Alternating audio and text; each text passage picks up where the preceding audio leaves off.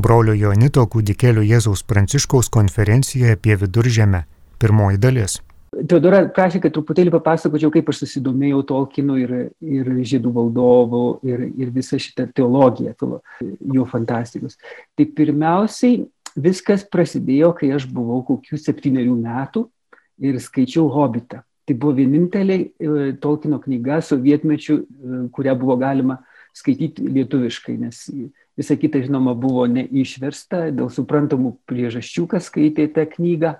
Kas matėte tik tai filmą, tai nelabai suprantama būtų, nes labiausiai, kas sovietams turėjo kliūti, tai kai hobitai grįžta į savo grafystę ir randa, kad tenai šeimininkauja Sarumanas ir jo Hebra. Tai ten uh, labai, labai toks orveliškas epizodas, kuris turėjo sovietam labai nepatikti ir dėl to be jokios abejonės nebuvo leista versti žydų valdovų. Tai e, aš vėl su Tolkienu susitikau tik tai 2001, 2002, 2003 metais, kai išėjo filmai, aš tuo metu darbavausi Orleane, Prancūzijoje, mūsų parapijų Švento Laurino ir tenai mes to, tokią labai didelę, kaip čia pasakyti lietuviškai, jaunimui sielovados klubas toks buvo, gal, gal sakykim taip. Ir mūsų klebonas, tėvas Laurinas, kurį kai kurie iš jūsų gal ir pažįstate, kurie dalyvavote jo misijoje Rusijoje, Kabardino Balkarijoje. Tai jisai va, rodė, darė tų filmų peržiūras. Aš tada žiūrėjau tuos filmus Ir tik daug vėliau, po poros metų, man susi, susijungia laideliai, kad čia bus tas pats autorius Tolkienas, kuris rašė Hobbitą, e, tą, tą pasaką, kuri man tai patiko, kai aš buvau vaikas. Bet, žodžiu, žiūrėdamas aš tą filmą, aš buvau labai nustebęs krikščioniškų simbolių tame, e, tame filme. Ir paskui tiesiog, nu va taip, savo vis pamastinėjau, kad čia yra labai įdomus būdas uh, perteikti krikščionybę e, žmonėms, kurie ne tik, kad gal nesidomi e, krikščionybė, bet net ir alergiški yra jai. Nu, tai buvo tokie mano asmeniniai pamastymai ir liko tokie, tokiais asmeniniais. Bet paskui e, atsitiko toks įdomus dalykas, kad kai mane parsiuntė į Lietuvą 2006 metais, broliai kiekvieną vasarą daro tokius šeimos stovyklas, festivalius, nebežinau kaip jie vadinasi. Tame šeimos festivalį būna gal ir dabar tebe būna tikriausiai paauglių pastovyklė, kaip, kaip ją vadinom tais laikais. Uh, žodžiu, visi dalyviai išskirstyti pagal amžiaus grupę, uh, grupės, vaikai ir suaugusiai, uh, o pa, paaugliai tai tiesiog atskirai, nes paaugliai yra sunkus elementas visuomenėje, tai, tai jiems yra sudėtingas su, ir su mažesniais, ir su didesniais kartu, kartu būti, tai jiems būdavo tokia atskira pastovyklė. Ir visada broliai man skirdavo e, skaityti paskaitas ir, ir dvasinį palydėjimą e, šeimoms, tėvams, bet niekada paaugliams ne, neskirdavo. E, o šiaip jau tarp brolių seserų garsėjo, kad ta pastovyklė tai yra labai sudėtingas apaštalavimas, nes tie paaugliai nieko nenori, jiems nieko nereikia ir palikit juos ramybėje, jie geriau, nu va, Um, bet tais metais kažkaip tai išėjo, kad broliai sako, Prancišku, tu neišsisuksi, dabar tavo eilė. Tavo eilė su tais paaugliais prabūti tas keturias dienas festivalio. Aš sakau, gerai, bet tada jūs pasirūpinsit tėvais, kad, tegu, kad ne vienas tėvas tegu nesertina prie manęs, nes aš būsiu užsiejęs su paaugliais. Tai mes sutarėm tokį dalyką. Ir tada aš pradėjau sukti galvą, ką čia padaryti. E, kad, kad galėtume tuos paauglius sudominti. Ir aš turiu labai puikią komandą savanorių. Viena dabar yra mūsų sesuo, paskui e, Eimantas, atrodo, man atrodo, visi kiti yra e, vedai ir ištekėjusi. Na va, ir žodžiu, su jais mes susėdom e, galvoti, ką mes, čia, ką mes čia galim nuveikti su tais paaugliais. Ir, ir man kažkaip, nežinau kaip, bet iškilo atminti tie mano pamastymai, kai aš žiūrėjau žydų valdovą Orleano laikais, ir sakau, žinot ką, žaidžiam su tais paaugliais žydų valdovą. O Eimantas, kuris tuo metu buvo muzikos ir teatro akademijos studentas, kaip kai kurie iš jūsų, jisai sako, žinai ką, nežaidžiam, filmuojam, darom filmą su jais. nes jis buvo ką tik baigęs e, sesiją apie tai, kaip, kaip daryti filmus, kaip filmuoti. Gerai darom. Ir mes taip užsidegėm e, ir per tą festivalį 2009 metais mes su jais, su tais paaugliais, e, iš kurių dabar kai kurie jau yra suaugę ir čia esantys, mes sukom tą filmą per keturias dienas į Žiedų valdovo prikėlėm iš numirusių golumą, smygolą, kai kuriuos dialogus patys paaugliai parašė, darėm konkursą, kurį išrinkti. Žodžiu, žodžiu, buvo tokia labai labai įdomi patirtis, nes nors iš pradžių spyrijosi tie paaugliai, aš atsimenu, kai, kai per pirmą vakarą pasakiau, mes filmuosim filmą. O žinot, paaugliai, prieštarauk. Ir viena, viena iš paauglių sako, mes nenorim filmo, mes norim adoracijos. Tai man buvo tokia, tokia labai puikiai patirtis, kad galima ir iš tos pusės sudominti paauglius, pasiūlinti, jie, turint omeny, ką, kad jie visada prieštaraus, kad jie paskui gali patys paprašyti tokių dalykų, kurių kitaip niekaip neįsiūlys jiem. Bet mes turėjome ir adoraciją, tarp kitko, kas buvote, to, tai pastovikliai atsimenate, kiekvieną dieną. Na va, ir žodžiu, tai buvo tokia labai labai įdomi, stipri patirtis. Paskui vėl buvo pertrauką, nes man leido būti dykumos, kaip čia pasakyti, šabo metai, tai kai mes galime metus atsidėti maldai vienumoj, aš tais, tais metais, 12-13 metais buvau Prancūzijos Alpėse. Ir paskui iškart po to jau manęs nebeparsiuntė į Lietuvą, iškart išsiuntė į Ameriką, paskyrė darbui universitetiniai sielovadai New Jersey tam Sidnho universitete. Ir po pirmų metų darbo mūsų tas įlovados direktorius, toks kunigas, jis sako, darykit, ką tik norit, duodu visišką laisvę, kad tik tai nu, sudomintumėt studentus, nes Amerikoje pasiūla, aišku, yra didžiulė visko ir sudominti žmonės kuo nors nepaprastu nauju yra labai sudėtinga. Nu, ir aš pagalvoju, jeigu galima daryti, ką nori, tai kodėl nepadarius tai, ko aš iš tikrųjų noriu kas man pačiam labai įdomu ir man vėl iškilo, e, iškilo ta žydų valdovo visa istorija, ką buvau patyręs su Lietuvos paaugliais 2009 ir um, sakau, da, darysim tokią, e, tokį ciklą žydų valdovo iki apokalipsės. E, kadangi ten yra tokių labai įdomių sąsajų su apokalipsės knyga, su prieškimu šventajam Jonui, tai mes su, sukonstravom su kitu broliu, kuris su, kartu su manimi dirbo sielovadoj tenai tokį, tokį ciklą. Mes kiekvieną savaitę susirinkdavom, tai buvo daug, tai buvo daug. 20-25 studentai ateidavo, tai uh, Sin Hall masteliais tai yra labai daug, kad, kad studentai rastų laiko ateiti į, į sielovados klubą. Kita veikla, kokią broliai ar sesiai siūlydavo, tai būdavo nu, 5, nu, 7 žmonės ateidavo, čia buvo 25. Ir mes kiekvieną e, savaitę susirinkdavom pasižiūrėti epizodo iš vieno iš filmų, maždaug 20 minučių, ir paskui likusias 40 minučių būdavo diskusija. Tai išgliaudenti tą epizodą iki, iki pačių smulkmenų, atkasti visą ten esančią krikščionybę, simbolius ir, ir prasme vis, viską. Aišku, sudėtingiausia būdavo sustoti, nes kai sustabdydavo į tą epizodą, iš karto choras kildavo, žiūrim toliau. Bet, nu, va, paskui vis dėlto ir pati diskusija būdavo įdomu, nes aš ypač prisimenu vienos studentės reakciją po visų tų trijų filmų peržiūrėjom. Mes kiekvieną filmą žiūrėjom per vieną semestrą, tai buvo iš viso e, trys semestrai, pusantrų metų tas ciklas. Jis sako, žinai, tai yra vienas mano mėgstamiausių darbų, bet niekada nebuvau patikėjęs, nu, ta prasme, Tolkieno šitą knygą, bet niekada nebūčiau pagalvojus, kad yra tokia giliai krikščioniška e, šita kūryba. Nu, ir paskui su tais jau ištikimiausiais, kurie iki galo buvo ir labai, e, labai užsidegę buvo, norėjom, mes padarėm tokią piligriminę kelionę į viduržėmę, kitaip sakant, į Naująją Zelandiją, kur tie filmai buvo filmuojami Jacksono. Aišku, iš Lietuvos dabar gal jau ir įmanoma padaryti, bet tais laikais tikrai būtų buvę per brangu, čia Amerikoje yra visai kitos galimybės, e, kitas finansavimas ir, ir sponsorių pagalba didelė. Tai mes galėjome, galėjome ten beveik dvi savaitės būti Naujojoje Zelandijoje ir tiesiog kaip akis išdegę lakstėm su autobusiuku iš vienos vietos ir nes, aišku, ne vienoje vietoje buvo filmuojamas tas filmas ir, žodžiu, visas pagrindinės svarbiausias, svarbiausias vietas, kur, kur filmas buvo filmuojamas, mes apvažinėjom ir ten kiekvienas studentas irgi pristatė scenas, kurios buvo filmuojamos tose vietose.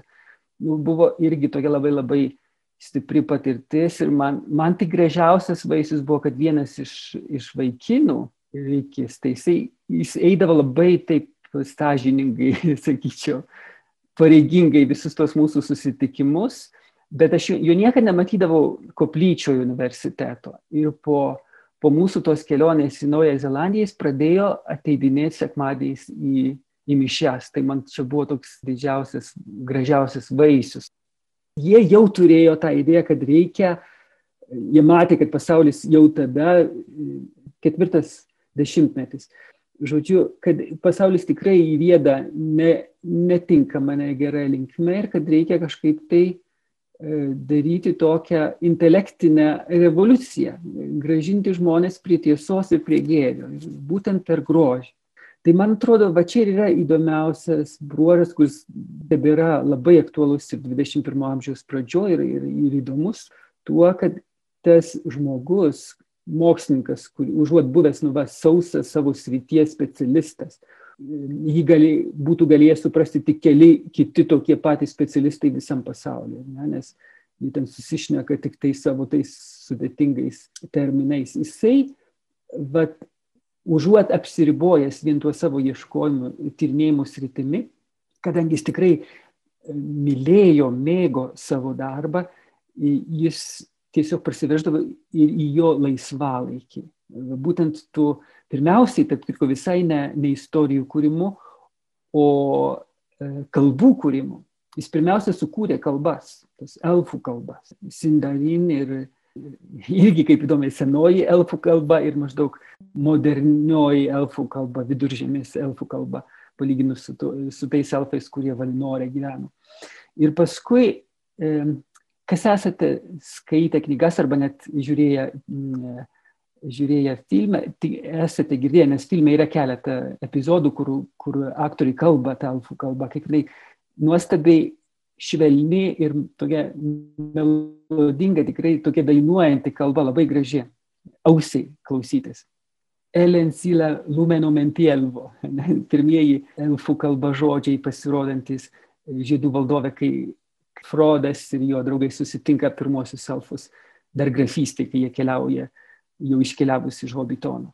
Ir žodžiu, jisai suprato, kad tos gražios kalbos niekam nebus įdomios, jeigu jos, jos bus tik tai kalbos, išskyrus nu, kito, kitokiem, visiems, kaip čia pasakyti, kitiems tokiem patiem pamišėliam dėl kalbos kaip Tolkienas. Ir jisai sugalvo, kad reikia įvilgti tas kalbas į istoriją, sukurti, sukurti erdvę toms kalboms, kur jos galėtų reikštis. Ir šitai prasidėjo, prasidėjo ta visa istorija. Hobitas, tarp kitko, buvo parašytas visiškai nesu ta intencija. Patys pirmieji Tolkieno bandymai iš tikrųjų buvo tai, kas vėliau tapo Silmarilionu, kas jau buvo išleista tik po jo mirties, nes jis niekaip taip ir visą gyvenimą nesugebėjo sintetizuoti to, to milžiniško, milžiniško mitologinio pasaulio, kurį jis sukūrė, pradėjo kurti būdamas 20 metų iš tikrųjų.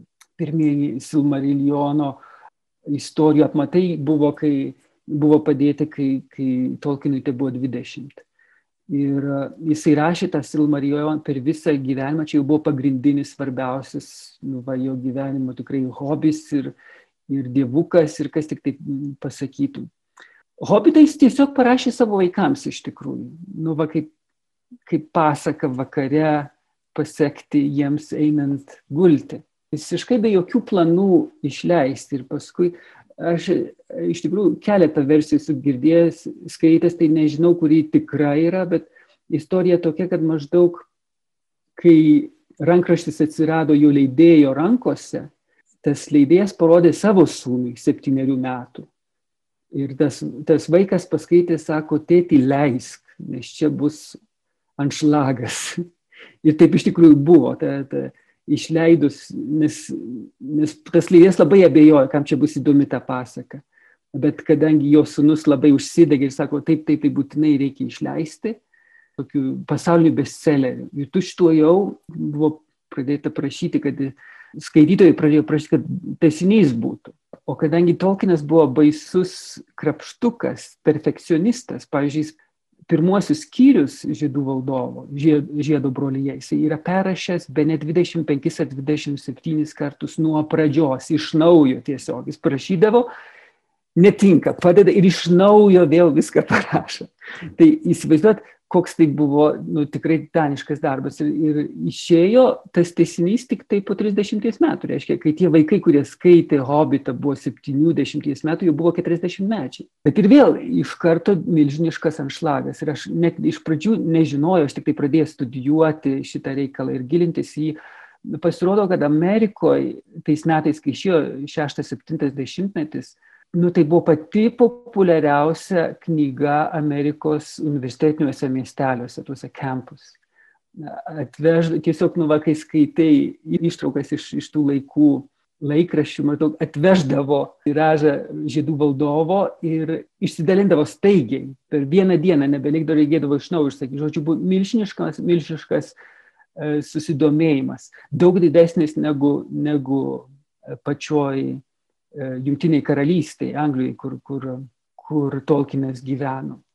E, nes e, kai 2000 metais Britai rinko amžiaus knygą ir buvo išrinktas žiedų valdovas, tai ten pasipylė nu tokių nepykantos pilnų straipsnių iš tų kvazi intelektualų, kad nu, irgi ten yra atskira knyga, tarp kitko, sudėtas kai, apie ta, tas reakcijas ar būtų lengviau vidutinį vakarietį sudominti e, Tolkino kūrybą, negu kokio nors ten e, pamokslų bet kurioj tai lemda bažnyčioj vakarų. Nu, sakykime, netgi taip geroj bažnyčioj, nes čia irgi, kaip ir visas pasaulis, visa Amerika pasidalinusi į liberalus ir konservatorius, taip ir bažnyčia, jie, Amerikoje yra superliberali arba superkonservatyvi. Ta superkonservatyvi ir daug konservatyvesnė negu Lietuvos bažnyčia, pavyzdžiui. Nežinau, kurie čia prasme sakyk, bet nu va, kad kur yra geras pamokslas ir, ir tokį. Nes tai labai sunku pasakyti, nes tas vidutinis vakarietis irgi labai labai tokia neiški figūra. Vienas vidutinis e, vakarietis būtų Amerikoje, visai kitas būtų vakarų Europoje. Arba Europos Sąjungoje, kaip čia dabar pasakysim. Nes pragyvenus jau greit septynerius metus Amerikoje, aš tikrai galiu matyti, kad labai didelis kultūrinis skirtumas yra tarp Europos ir, ir, ir Amerikos. Amerikoje vis tiek žmonės, e, ypač tie, kurie laikosi konservatyvių pažiūrų, daug mažiau pagadinti zeitgeist, ar ne tos laiko dvasios, kai, kur Europoje, nes Europoje liberalizmas yra klaikiai iš, iš, išplitęs. Ir aš, kai kalbu apie liberalizmą, aš kalbu tą negatyvęją prasme. Amerikoje taip dar nėra, dar tik pusė Amerikos yra tokia.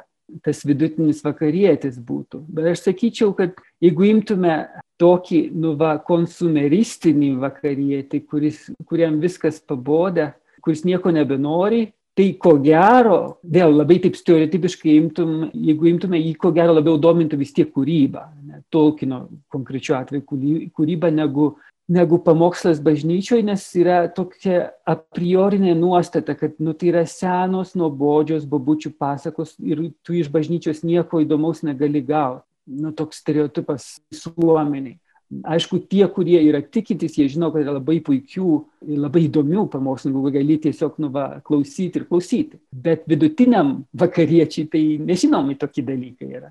Jeigu ir jie žino, tai gal tik tai apie tokias legendinės figūras kaip Billy Graham ir, ir panašiai. Ja, tai labai sunkus atvejis. Aš sakyčiau, kad vis dėlto tam, kuris nėra labai religingas, vis dėlto kūryba būtų, Tolkieno kūryba būtų įdomesnė negu, negu kunigo pamokslas. Tikrai nebuvo jo tikslas skleisti, skleisti Evangeliją, bent jau nebuvo pirmasis, tik, nebuvo sąmoningas tikslas skleisti, skleisti Evangeliją. Tai buvo jo hobis. Ir jis pirmiausia rašė savo ir savo vaikams, nes kai jo sūnus Kristoferis tarnavo aviacijos British Royal Air Force, tu, tuose karinėse oro pareigose per antrąją pasaulinį karą, Tolkienas siūsdavo gabalus žydų valdovo, ką tik šviežiai parašytus savo sūnui, kad nu, taip jį pastiprinti. Tai būtent visi, visi tie skyriai iš Mordoro, kai kai Frodas su Semu eina per Mordorą. Tai irgi toks buvo jo kaip palaikymas sūnui. Ir tik giliau, nu, va, kažkaip susidėjo ta knyga. Jis rašė tikrai širdies. Tai buvo jo hobis, tai buvo jo pasaulis. Jis tame pasaulyje gyveno, tame pasaulyje kentėjo, tą pasaulį mylėjo. Ir jis iš pradžių net nematė, kad jis, kad jis skleidžia Evangelijos šviesą, tą viduržėmės pasaulis, kurį jis, sukūrė. Ir tik tai jo draugas, šitas jėzuitas Morrow, kuriam jis davė paskaityti rankraštį, jisai kai perskaitė, sako, ar tu, ar tu matai, ką tu parašiai. Čia grinai katalikiškas veikalas ir yra tos garsiosios eilutės Tolkino, kai jisai atrašo, nes yra didžiu, irgi didžiulis Tolkino laiškų tomas, kurie baisiai įdomu skaityti, koks jis žmogus buvo. Ir kus atrašo tam, tam jezuitui, savo draugui, sako, be jokios abejonės žydų valdovas yra fundamentaliai religinis ir katalikiškas veikalas. Ir ten toliau tęsė, sakydamas, iš pradžių nesąmoningai, bet antrą kartą skaitant visiškai sąmoningai. Pripažino, kad jisai rašydamas, jis sudėjo ne tik visą savo kaip kurėjo širdį, bet ir savo kaip kataliko pasaulyje žiūrą. Pats to nenorėdamas ir nesiekdamas tam tikrą prasme. Ir tik tai paskui, kai jam akis atvėrė tas, tas jėzuitas kunigas, antrą kartą skaitydamas, jis kaip tai tarsi pasižiūrėtų į veidrodį ir atpažintų, nu taip, tai yra, tai yra mano gyvenimas kaip kataliko, kuris atsispindi, nes kitaip ir būti negali, nes kai tu kuri, tikrųjų ne valdiškai, bet nu, su aistra, su, su užsidegimu, tu sudedi visą savo širdį, visą, kas tu esi. Ir jeigu tu esi giliai tikinti žmogus, neišvengiamai, neišvengiamai tu perteiksi tai, kas yra giliausia ir svarbiausia tavo tavo gyvenime ir tavo sielą. Tai jisai tikrai nieko nenorėjo maskuoti ir nieko nenorėjo, sakyti, evangelizuoti. Jisai, taip kitko, tam antrajame įvade, kurį parašė jau antro leidimo žydų valdovo, savo širdingai nemėgstų alegorijos. Ir čia buvo pagrindinis skirtimas su jo labai artimu bičiuliu e.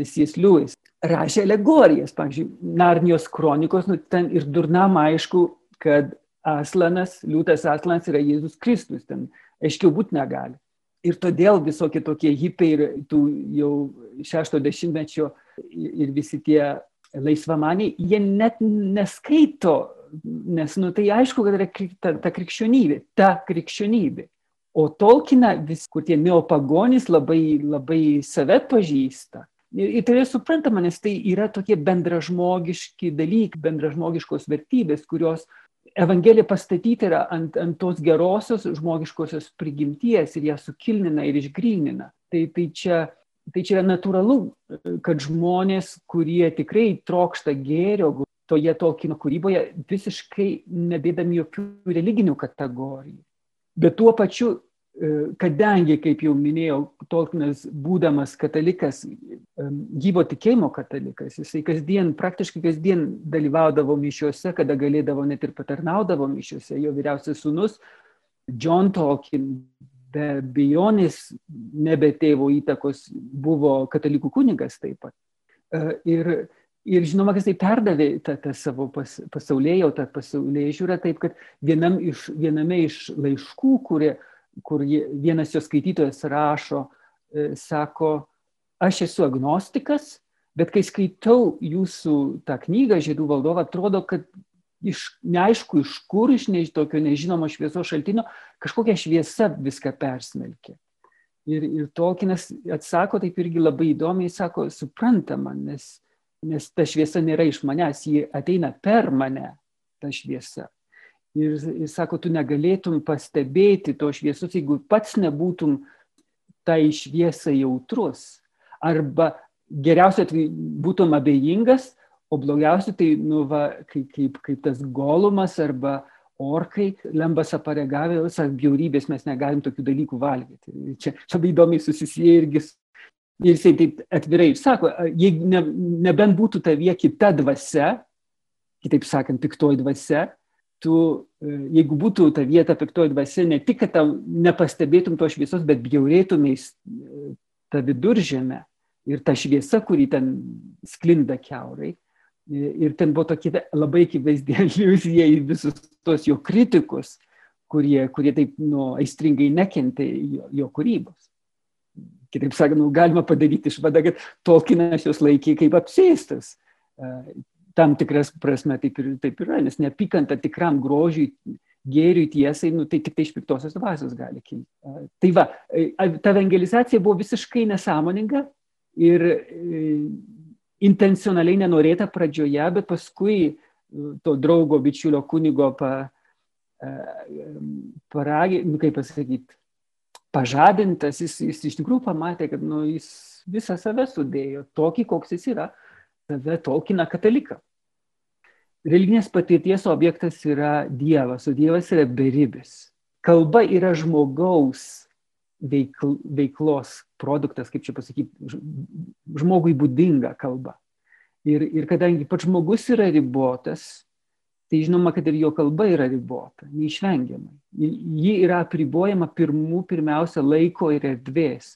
Mūsų visos kategorijos, mūsų visi terminai yra susijęs su laiku ir erdve, kurioje gyvename. Tuo tarpu Dievas gyvena ne erdvėje, arba tiksliau, anapus erdvės ir anapus laiko. Žinoma, jis yra ir erdvėje, ir laike, bet ne, ne tik, jis yra anapus erdvės ir anapus laiko, jis yra e, amžinybėje. Ir mūsų vien tų dviejų kategorijų, nors mes galim turėti tas kategorijas, ar ne, anapus erdvės ir anapus laiko, bet jų išreikšti žmogišką, mūsų žmogiškai žodžiais, nu, neįmanoma iš tikrųjų. Tuo pačiu yra labai svarbu, kokiu būdu per tą kalbą mes išreiškime tą tikrovę, nes yra labai didelis spektras tos raiškos, religinės patirties, imkim taip, iš pradžių gal tiesiog bendražmogiškai. Jeigu mes paprašysime biologą arba mediką aprašyti, nusakyti, kas yra meilė, tai ką, ką jis surašys, nu, kad ten pakyla spaudimas, ima širdis, širdies ritmas padažnėja, parausta veidas, nu, nu, tokie dalykai. Ar tai yra meilė? Jeigu tu paklausi poetą, kas yra meilė, ir jisai tą pasakys, tai yra, tai yra tada, kai tu, kai tu gali nuskinti visą žvaigždės ir padovanoti savo mylimajam. Tai vėl mokslininkai sakytų beprotybė, kaip tu gali nuskinti žvaigždę, kur yra milžiniškas lipsnojančių dujų kamuolys. Tu esi mikrobas palyginus su, su, su tuo kamuoliu. E, matot, kaip, kaip labai yra skirtinga, net toj pačioj kalboj, skirtingas raiškos gylis. Ir čia būtent prieinam prie tos kitos temos, kur turėjome paliesti šį vakarą, aš dabar gal bent greitai, greitai paliesiu e, mito vaidmuo.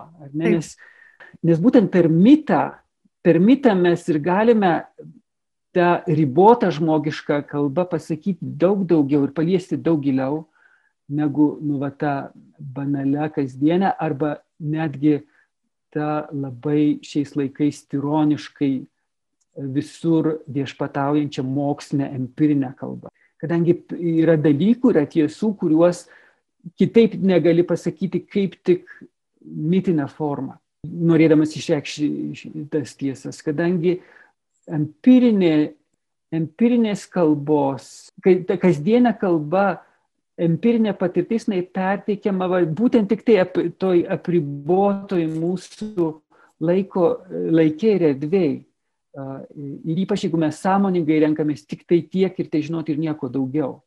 Iš anksto priori atmetame bet ką, kas neįtelpa į mums žinomus fizikinius arba subatominius, kokius tik nori, nuvečio pasaulio šios visatos dėsnį. Ir, ir tokiu atveju mes tiesiog atmetam iš karto ir iš anksto bet kokį slėpinį, bet kokią net jeigu ir pripažintų, tai čia jau geriausiu atveju, jeigu ir pripažintų slėpinio egzistenciją toks žmogus, jis sakytų, vis tiek neįmanoma jo patirti, nes tai, yra, tai būtent yra slėpinys, kurio neįmanoma patirti, arba tiksliau, slėpinys yra tai, ko neįmanoma patirti iki galo, tu visada gali daugiau patirti. O mitas būtent ir atveria, atveria vartus į, į to slėpinio patirtį, jis tau atveria akis, kad tu gyveni apsuptas slėpiningų dalykų. Kad yra, man čia prisimena dabar būtent ne Tolkino, bet C.S. Lewis toks, toks pasakymas toj knygoje iš Narnijos kronikų, nežinau kaip lietuviškai, laivo kelionė, kur, kur, kur herojai keliavo į pasaulio kraštą. Aušos užkariautojas. Aušos užkariautojo kelionį. Ir ten, kai jie atplaukė, jeigu skaitėte ir atsimenat, kai atplaukė į tą salą, kur tas burtininkas gyvena ir, ir jo dukra žvaigždė nukrenta iš dangaus, ar ne? Ir tas pusbrolis Pevencijų, kaip jo vardas nebeatsimenu, jisai sako, bet tai yra nesąmonė, nes žvaigždės yra tik tai liepsnuojantis dūmų kamoliai didžiuliai. Tai negali būti žvaigždė. Ir tas būtininkas atsako, mūsų pasaulyje žvaigždė yra, yra kas kita. Tarp kitko, net ir jūsų pasaulyje žvaigždė yra kai kas daugiau negu vien tik liepsnuojantis dujų kamolys. Tai yra ir liepsnuojantis dujų kamolys, bet tai yra kai kas daugiau negu vien tai. Ir jūsų pasaulyje. Tai čia, man atrodo, ir daugiau jis toliau neplėtoja. Man, man, man čia labai graži to, šita Luiso aliuzija tokia, kad va, būtent per, per mitinį, mitologinį žvilgsnį į pasaulį, kai matai grožį pasaulio, tu gali išvelgti anapus tos išmatuojamos, apčiupiamos, pasveriamos regimybės, tu gali prisiliesti slėpinį. Ir jį tau labiausiai būtent yra atveria poezija ir mitologija. Anot Tolkienio, anot Luiso, Chestertono, McDonaldo, visų valtų didžiųjų 20-ojo amžiaus pradžios mąstytojų požiūrių. Aktualu čia ir dabar. Tai, tai yra bendražmogiški dalykai, kurie vėlgi anapus laiko ribos. Tai žmogiška kalba tikrai riboja. Analogiškai galime saky, kalbėti ir apie Dievo kalbą, bet Dievo kalba yra vienas vienintelis žodis, kuris nu, nuolat sakomas ir, ir tai yra vienintelis žodis, kurį Dievas sako, tarė visam žinybę. Va tik skaičiau Švento, Jono, Švento kryžiaus Jono šitą mintį, kad tai yra žodis, kuris yra sakomas Dievo visam žinybę tyloje ir jį galima išgirsti tik tai tyloje.